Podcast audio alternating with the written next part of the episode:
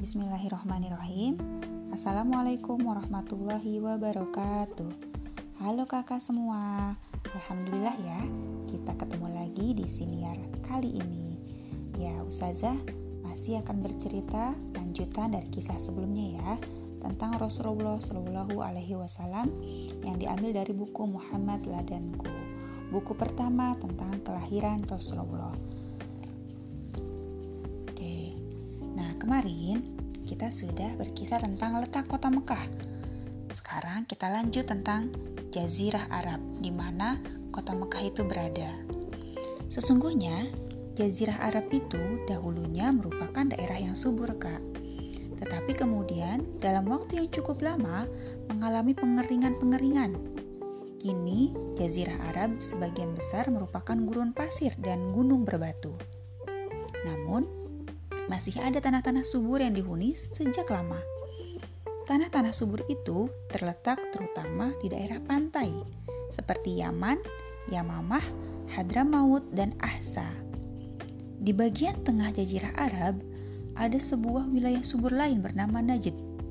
Wilayah ini dikenal sebagai tempat asal kuda Arab yang termasyhur ke mana-mana. Najd dan Yamamah juga terkenal sebagai penghasil gandum. Demikian banyak gandum yang dihasilkan sehingga konon mampu memenuhi kebutuhan seluruh penduduk Jazirah Arab yang ketika Nabi Muhammad Shallallahu Alaihi Wasallam dilahirkan berjumlah sekitar 10 sampai 12 juta jiwa. Di kota Madinah terdapat bukit-bukit yang baik untuk ditanami. Sementara itu, kota Taif terkenal karena buah-buahannya. Di luar daerah-daerah subur, Jazirah Arab dipenuhi gunung dan bukit-bukit batu yang besar. Tidak ada sungai mengalir. Suhu udaranya sangat panas. Karenanya, penduduk Arab umumnya suka mengembara.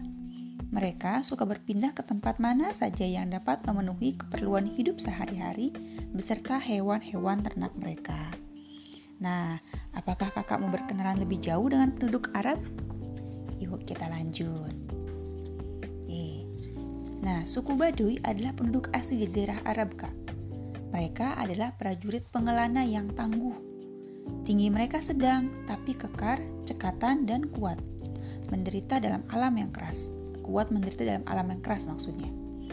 Jika ada anggota keluarga yang tewas, para lelaki Baduy akan segera membalas pembunuhnya. Mereka berani dalam bertempur dan sabar dalam kekalahan. Meski demikian, orang Baduy terkenal ramah senang memberi dan sangat menghormati tamu. Mereka juga tenang, sabar, dan tidak cepat marah. Orang Baduy juga sangat mengagumi keindahan syair. Jiwa orang-orang Baduy mudah terpanggil pada kebenaran. Mereka adalah orang-orang sederhana.